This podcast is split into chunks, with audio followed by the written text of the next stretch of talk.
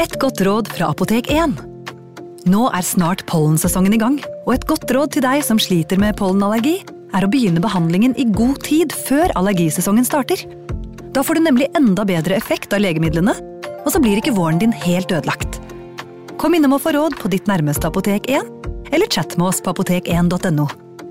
Apotek 1 vår kunnskap, din trygghet. Kom og spis! Kjøkkensjefen har middagen ferdig. Vi kommer! Vi skal bare Åh, det er da så morsomt her på Stiklestad! Ja, men sjøl en god viking må ha både mat og hvile. Og dessuten kan dere nå være noen dager. Velkommen til Scandic Stiklestad. Moderne fasiliteter i historiske omgivelser. Det var her det skjedde. Det er her det skjer.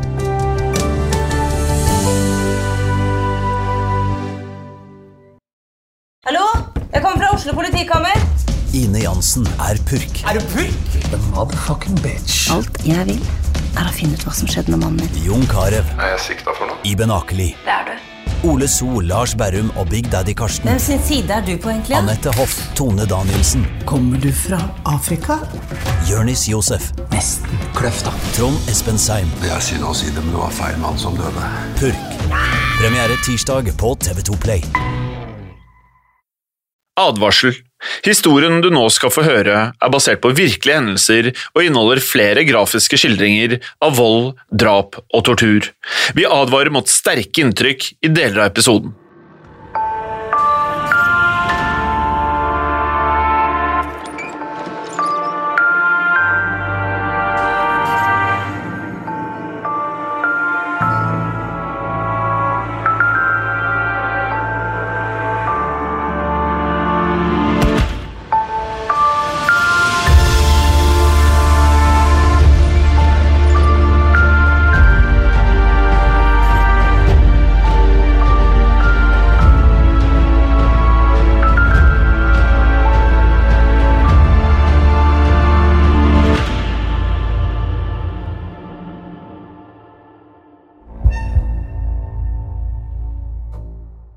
Var oktober 1996 i den lille byen Novokuznetsk i Sibir. En rørlegger var på det han trodde skulle være et rutineoppdrag. Han skulle fikse et tett rør som hadde forårsaket problemer i bygården. Men da han banket på døren til leilighet 357, var det ingen som åpnet. Rørleggeren hørte at det var noen der inne, så han banket igjen, men det var fremdeles ingen som svarte. En hund bjeffet konstant, men han trodde også at han kunne høre en ung jente som desperat ropte om hjelp. Rørleggeren fortsatte å banke på, men det var fremdeles ingen som ville åpne. Da rørleggeren åpnet brevsprekken, kjente han en sterk og ubehagelig lukt. Han kikket inn i åpningen, i håp om å se hva som foregikk der inne. Det var ingen tegn til leietakeren, men det var blod over hele leiligheten. Han fryktet at noen var i livsfare der inne, og ringte til politiet. Da politiet entret leiligheten, sto det flere kjeler med kokende vann på komfyren. De ga fra seg en underlig lukt, og politimennene oppdaget snart at det lå et menneskehode i en av kjelene.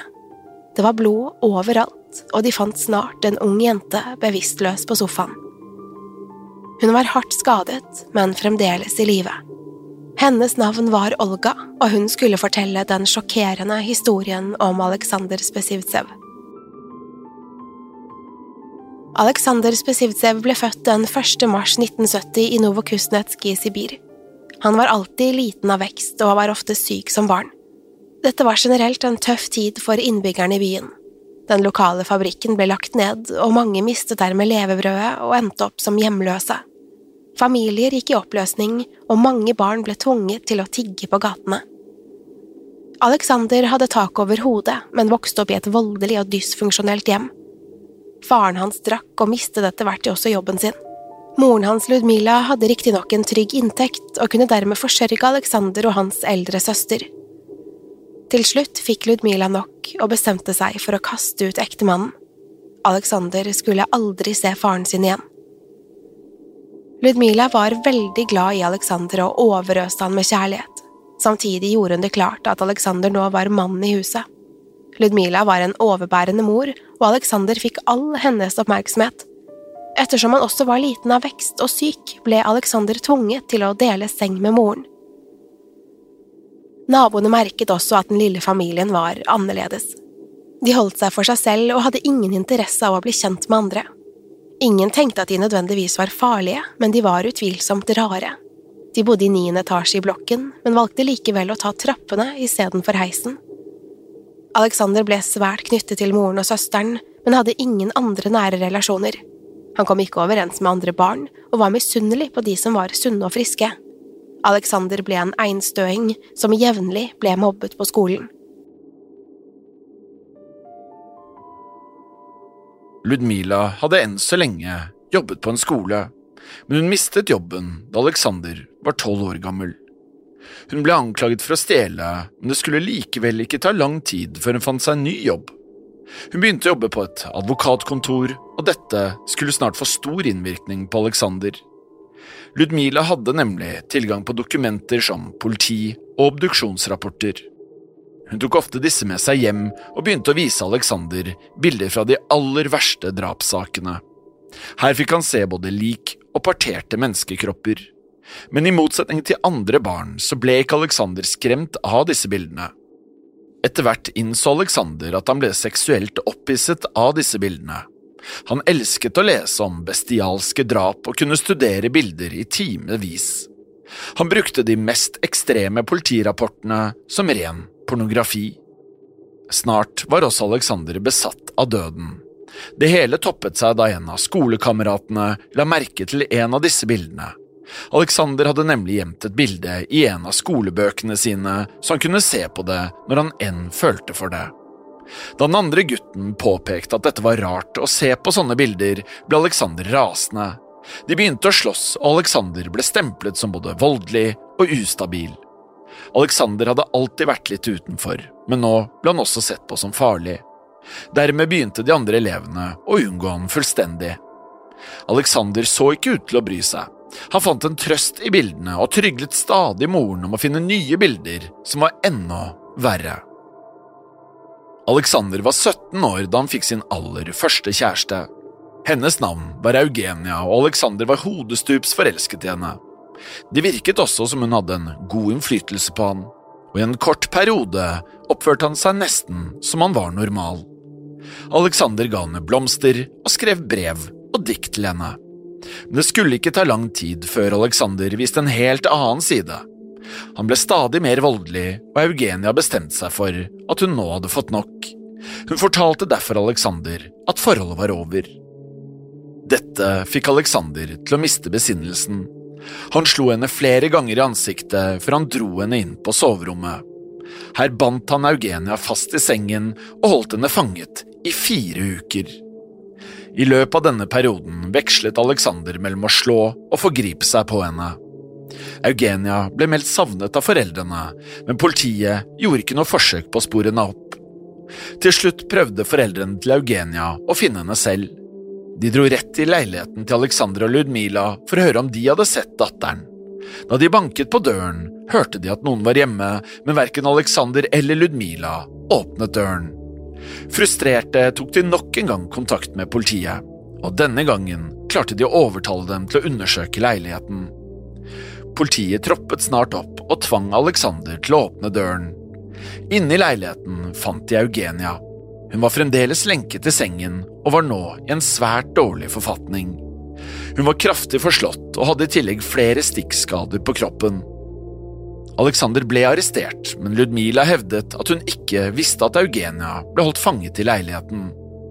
Selv om Eugenia hadde blitt torturert og misbrukt i over fire uker, valgte politiet å tro på henne. Alexander så ikke ut til å akseptere at dette var hans skyld. På vei ut av leiligheten skrek han til naboene at de burde ha ringt politiet langt tidligere. Eugenia ble hastet til sykehuset, men døde kun få dager senere. Det var tegn til infeksjon i mange av sårene, og den offisielle forklaringen var at hun døde av blodforgiftning.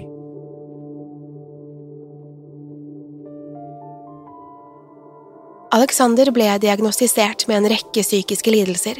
Han ble dermed funnet utilregnelig og sendt til et mentalsykehus, men han ble skrevet ut etter bare tre år.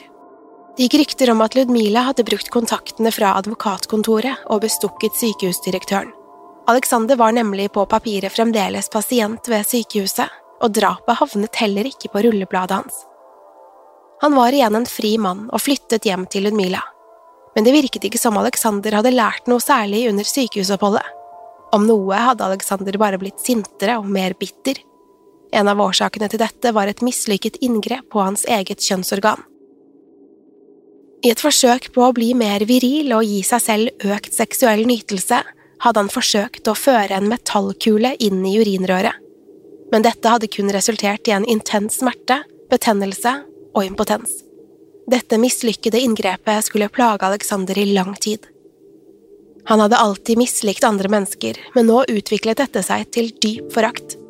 Alexander innrømmet at han hatet alle, bortsett fra moren og søsteren sin.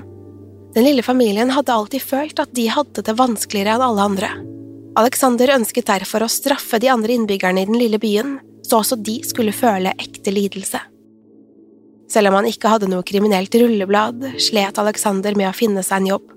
Han tilbrakte derfor mer tid med byens hjemløse og begynte å stjele for å tjene til livets opphold.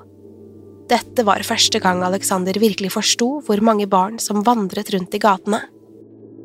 Alexander begynte å føle en forakt for disse barna. Han skjønte ikke hvordan de kunne smile og le under disse omstendighetene. For Alexander ble dette en påminnelse om sin egen ensomme og triste oppvekst. Han fortalte Ludmila om dette, og de var enige om at ingen ville savne disse barna dersom de plutselig skulle forsvinne. På en kald dag i februar 1996 møtte Alexander en 20 år gammel kvinne som het Elena. Hun var hjemløs og planla å tilbringe natten på en togstasjon, men Alexander lovet henne et varmt måltid og en seng hvis hun ble med han hjem. Dette tilbudet var naturligvis for godt til å være sant. Så snart de var inne i leiligheten, kastet Alexander seg over henne. Alexander hadde antageligvis ikke planlagt å drepe Elena, men da han ikke klarte å prestere seksuelt, begynte hun å le av ham. Alexander ble rasende og dro henne med inn på badet, og her skulle han torturere Elena til døde. Drapet ble en slags vekkelse for Alexander. Han hadde lenge vært fascinert av død, men det var enda mer pirrende å se noen dø på nært hold. Det skulle ikke ta lang tid før Alexander drepte nok en ung kvinne. Naboene la merke til skrikene fra leiligheten, men de regnet med at dette bare var Alexander. De kjente til hans psykiske lidelser, og de var vant til at familien lagde mye bråk. Alexander spilte dessuten ofte høy musikk for å overdøve skrikene. Det var riktignok vanskeligere for naboene å ignorere den grusomme lukten.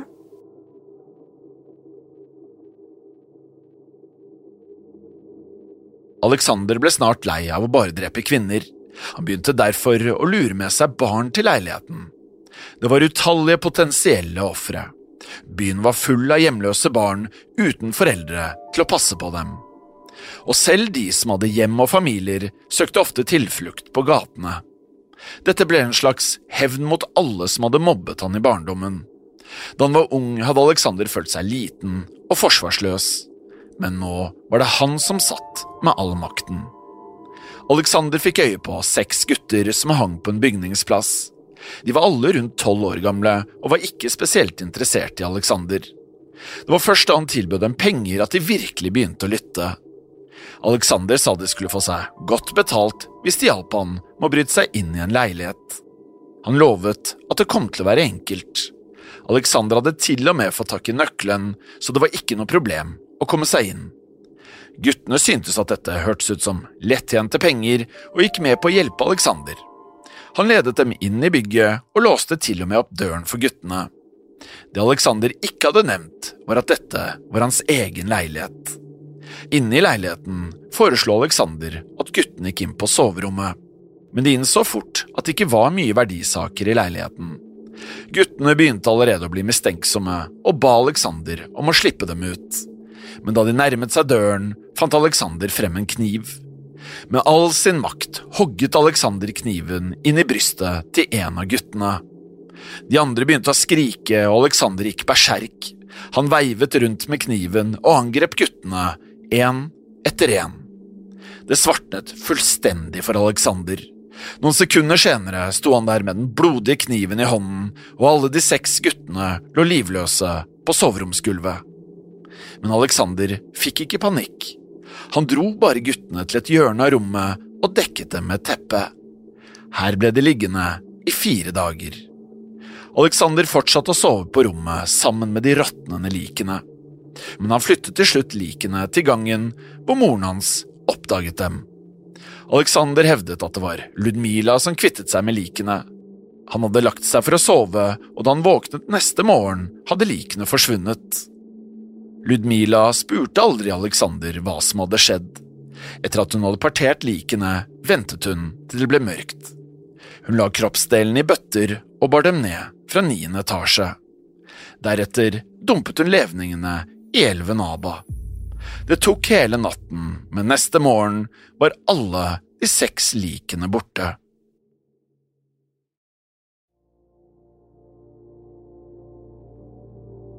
Alexander følte snart et behov for å drepe igjen. Denne gangen var ofrene to jenter på 12 og 14 år. Alexander brukte en lignende strategi og spurte om de var interessert i å tjene penger. For de fleste unge i byen var dette et fristende tilbud. De to jentene ble derfor med til leiligheten. Her skulle de møte den samme skjebnen som de seks guttene hadde gjort. Og slik fortsatte det. I løpet av sommeren drepte Alexander minst syv mennesker. De var både voksne og barn, menn og kvinner. Den yngste var tolv, og den eldste var 40. Det var altså ikke noe klart mønster i drapene, men så lenge de ble med til leiligheten, var Alexander forberedt på å drepe. Ludmila fortsatte å hjelpe Alexander med å kvitte seg med likene. De parterte likene sammen før de kastet levningen i elven. Dette var lettere sagt enn gjort. De bar tross alt bøttene ned ni etasjer. Dette var tungt arbeid, og det dukket stadig opp flere lik i leiligheten. For å gjøre det litt enklere begynte Alexander å koke og spise noen av kroppsdelene. Han lagde supper og gryteretter og ga gjerne et kjøttbein til hunden sin. Etter hvert innså han at dette også var en god måte å spare litt penger. Ikke overraskende tok det ikke lang tid før det ble oppdaget kroppsdeler i elven. Parterte lemmer, hoder og kropper fløt i land langs elvebredden, og stadig flere lik ble fisket ut av vannet. Snart fløt det nye kroppsdeler i land hver eneste dag. Det ble åpenbart at det var en gal morder på frifot i den lille byen. Politiet gikk gjennom arkivene for å finne tidligere straffedømte og mentalt syke som tidligere hadde drept. Alexander hadde som nevnt ikke noe kriminelt rulleblad, og han ble aldri offisielt skrevet ut av sykehuset. Han var derfor aldri på politiets liste over mulige gjerningsmenn. Det skulle likevel ikke ta lang tid før politiet banket på døren hans. Det var den 26. oktober, og en rørlegger hadde forsøkt å komme seg inn i leiligheten. Men Alexander hadde nektet å åpne, og skrek bare at han var psykisk ustabil og ikke kunne låse opp. Frustrert bestemte rørleggeren seg for å kontakte politiet. De dukket snart opp og sparket inn døren. Innen de kom seg inn i leiligheten, hadde allerede Alexander kommet seg til taket av bygningen. Han hadde rømt ut av vinduet og videre opp en brannstige. Inne i leiligheten fant politiet en ung jente på sofaen. Hun var fremdeles i live, men bare så vidt. Armene hennes var brukket, og hun hadde flere stikkskader i magen og brystet, og hun var i svært dårlig forfatning. Hun ble hastet til sykehuset hvor hun kunne fortelle at hun var 15 år gammel, og at hennes navn var Olga. Her klarte hun også å fortelle hva hun hadde blitt utsatt for i leiligheten, og hva som hadde skjedd med venninnene hennes. Olga fortalte at hun var blitt torturert av en ung mann, og at han hadde fått hjelp av en eldre kvinne. En måned tidligere hadde Olga og hennes to venninner Nastia og Senja fått øye på denne kvinnen. Hun bar på tunge handleposer og hadde bedt de tre jentene om å hjelpe henne med å bære dem til leiligheten. Men da de kom inn i leiligheten, sto Alexander der og ventet på dem. Han var bevæpnet med en kniv og kastet seg over dem. Nastia hadde prøvd å kjempe imot, men dette gjorde bare Alexander mer aggressiv. Han gikk løs på henne med kniven og drepte henne foran venninnene sine. Olga skjønte at hun også var i livsfare, og hun innså at hun var nødt til å gjøre hva enn Alexander befalte. Hun og Zenja ble lenket til en radiator og holdt innesperret i leiligheten. Her ble de utsatt for brutal og umenneskelig tortur. Alexander voldtok, slo og brennmerket dem med sigaretter. Han likte at de tryglet om nåde og ble seksuelt opphisset når de skrek i smerte. Nastia lå fremdeles på gulvet i leiligheten og råtnet. Til slutt begynte også Alexander å bli lei av lukten og ba de to jentene om å ta seg venninnen. Han ga dem en baufil og ga jentene ordre om å begynne å partere Nastia. Deretter ønsket han at Olga og Senja skulle spise henne. Alexander fullførte slaktejobben og skar ut innvollene mens jentene så på.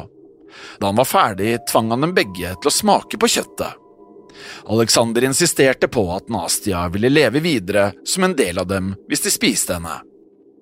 Selv om Alexander hadde tatt stor glede i å ha jentene i leiligheten, så visste han at det ikke kunne vare evig. Jo lenger han holdt dem der, jo større var også sjansen for at det ville tiltrekke seg oppmerksomhet. Han bestemte seg derfor for å drepe dem begge, og Senja skulle dø først. Han fikk hunden sin til å angripe henne. Det var en sterk og kraftig dobermann som bet seg fast i halsen hennes og rev i stykker strupen. Senja prøvde å skrike, men ga bare fra seg en tynn gurglelyd. Dermed var Olga overlatt til seg selv. Hun fikk nok en gang i oppdrag å partere venninnen sin. Denne gangen kokte Alexander en suppe av kjøtt, ben og fett og tvang Olga til å spise med han. Olga var så ute av seg at hun ikke la merke til hva som ble servert. Da Alexander fortalte henne at det var Senja, spyttet hun ut maten og begynte å hyle. Olga var allerede på bristepunktet. Hun hadde nå sett sine to bestevenninner bli drept, og hun hadde blitt tvunget til å partere og spise dem begge. I tillegg ble mishandlingen og de seksuelle overgrepene stadig verre. Olga følte ikke at det var noe håp om å komme seg levende ut av leiligheten. Moren og søsteren til Alexander var ofte til stede, men så ikke ut til å bry seg om det som foregikk. De hadde i hvert fall ingen planer om å hjelpe Olga. Da rørleggeren banket på døren, fikk Olga igjen et lite håp om at hun kanskje kunne komme seg ut. Hun prøvde å rope, men det var vanskelig å bli hørt over den høye musikken og bjeffingen fra hunden. I tillegg skrek Alexander som om han var besatt. Heldigvis forsto rørleggeren at noe var galt, men Olga var allerede i svært kritisk tilstand. Tragisk nok døde hun 24 timer etter at hun ankom sykehuset. Basert på Olga sin historie arresterte politiet Ludmila. Alexander var fremdeles på rømmen, men han ble arrestert tre dager senere da han forsøkte å komme seg inn i leiligheten. I mellomtiden hadde politiet gransket åstedet. De forsto umiddelbart at Olga ikke hadde overdrevet. Det var blod overalt og rester av menneskekjøtt over hele kjøkkenet. Det lignet mer på et torturkammer fra middelalderen enn en vanlig leilighet. Avsagde hoder ble oppbevart i bøtter, og det var fremdeles kropper på badet som ikke var ferdigslaktet eller partert. Fryseren var også full av lemmer og kjøttstykker. Hunden til Alexander lå i et hjørne og gnagde på et menneskeben. Det ble raskt åpenbart at Alexander var morderen politiet hadde jaktet på. I tillegg til alle levningene var det utallige blodige klesplagg, støvler og smykker i leiligheten. Klærne var i alle slags størrelser, fra små barn til voksne. Alexander hadde også tatt bilder av mange av ofrene. De var gjerne lenket til radiatoren, kledd nakne og dekket av blodige kutt. Politiet hadde ingen anelse om hvor mange som hadde mistet livet i leiligheten til Alexander, men det var ingen tvil om at det var snakk om flere titalls mennesker. Både Alexander og Ludmila tilsto det de hadde gjort, men var ikke enige om hvem som hadde skyld i hva. De ble faktisk intervjuet sammen, og det tok ikke lang tid før de gikk til angrep på hverandre. Ludmila hevdet at hun kun hadde hjulpet Alexander med å partere og dumpe likene i elven. Men Alexander insisterte på at hun også hadde lokket flere av ofrene til leiligheten. Ludmila hevdet da at det kun var for å passe på at Alexander ikke gikk til angrep på henne. Hun fortalte nemlig at Alexander hadde et intenst begjær om å drepe, og at hun ikke lenger følte seg trygg rundt sønnen. Ludmila ble funnet skyldig og dømt til 15 års fengsel. Hun slapp ut igjen i 2008 etter å ha sonet i 13 år. Selv om hun ikke selv hadde drept noen, var det mange som følte at denne dommen var altfor mild. Ludmila hadde tross alt lokket med seg unge barn til leiligheten, vel vitende om hva Alexander planla å gjøre med dem. Alexander ble til slutt siktet for 19 drap. Selv om han umiddelbart hadde fortalt om drapene, trakk han senere tilbake denne tilståelsen. Det var likevel mer enn nok bevis. Han hadde til og med skrevet om mange av drapene i en dagbok som ble funnet i leiligheten. Men etterforskerne klarte bare å koble han til fire drap. Alexander ble funnet utilregnelig og sendt til en klinikk med en egen høysikkerhetsavdeling. Det er fremdeles ingen som vet helt sikkert hvor mange mennesker Alexander drepte, men mange frykter at det kan være så mange som 80. Gjenstandene og bildene som ble funnet i leiligheten, hinter i hvert fall om at det er svært mange som aldri ble funnet eller identifisert. Vi skriver Alexander Spesivtsev inn i vår bok av syndere.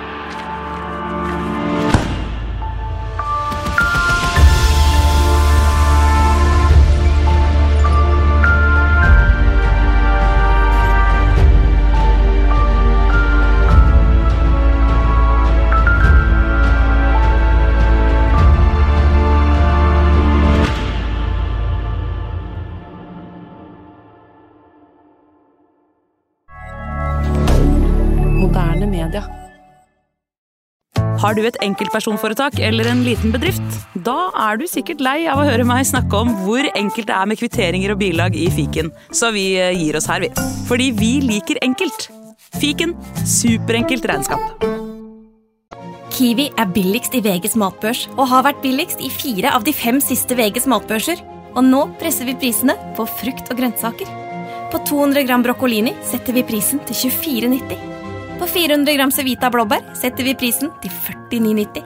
Og husk, alle Kiwi Pluss-kunder får i tillegg 15% trumfbonus på all fersk frukt og grønt. For det er vi som er prispresserne. Og vi i Kiwi gir oss aldri på pris.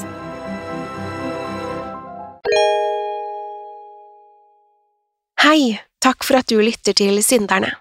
Skulle du ønske at du kunne høre en ny episode av denne podkasten hver eneste uke? Vel, da er det bare å laste ned podkastappen Untold med en gang. I tillegg til ukentlige episoder av podkaster som Skrekkpodden, True Crime-podden og Henrettelsespodden får du masse annet reklamefritt og eksklusivt innhold. Last ned Untold i AppStore eller Google Play, og start inn 30 dagers prøveperiode i dag.